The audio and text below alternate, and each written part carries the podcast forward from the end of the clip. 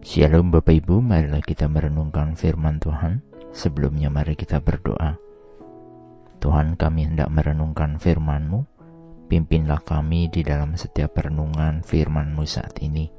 Di dalam Tuhan Yesus kami berdoa. Amin.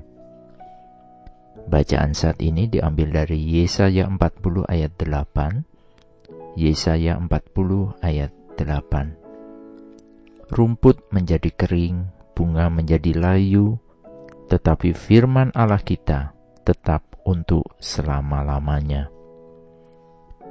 Semua makhluk hidup di bumi memiliki daur hidup atau dikenal juga dengan nama siklus hidup.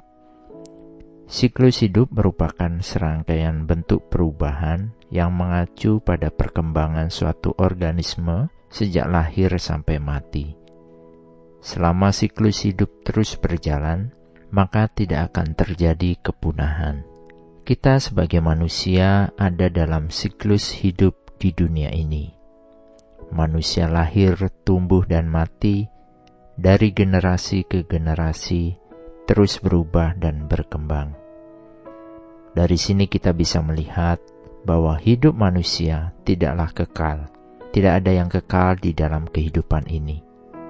Di dalam bacaan Yesaya saat ini, jelas disebutkan dan dikutip ulang oleh Petrus dalam 1 Petrus 1 ayat 24 hingga 25. Sebab semua yang hidup adalah seperti rumput dan segala kemuliaannya seperti bunga rumput.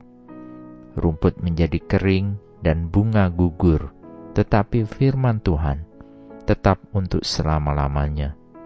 Inilah firman yang disampaikan Injil kepada kamu.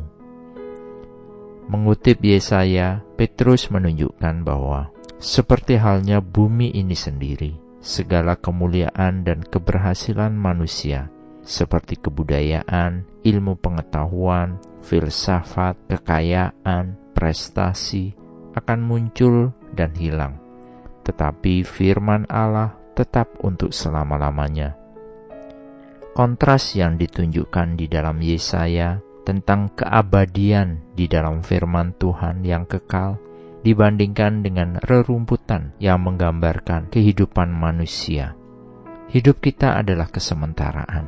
Di dalam kesementaraan kita, apakah yang akan kita isi dan lakukan selama kita hidup di dunia ini? Apakah kita hanya mengejar keduniawian kita, atau kita mau berpegang pada firman Tuhan untuk mengejar kehidupan yang kekal bersama Tuhan kelak.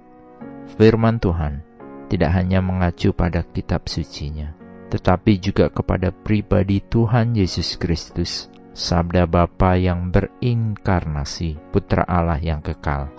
Karena melalui dialah kita ada dalam jalan kebenaran dan hidup.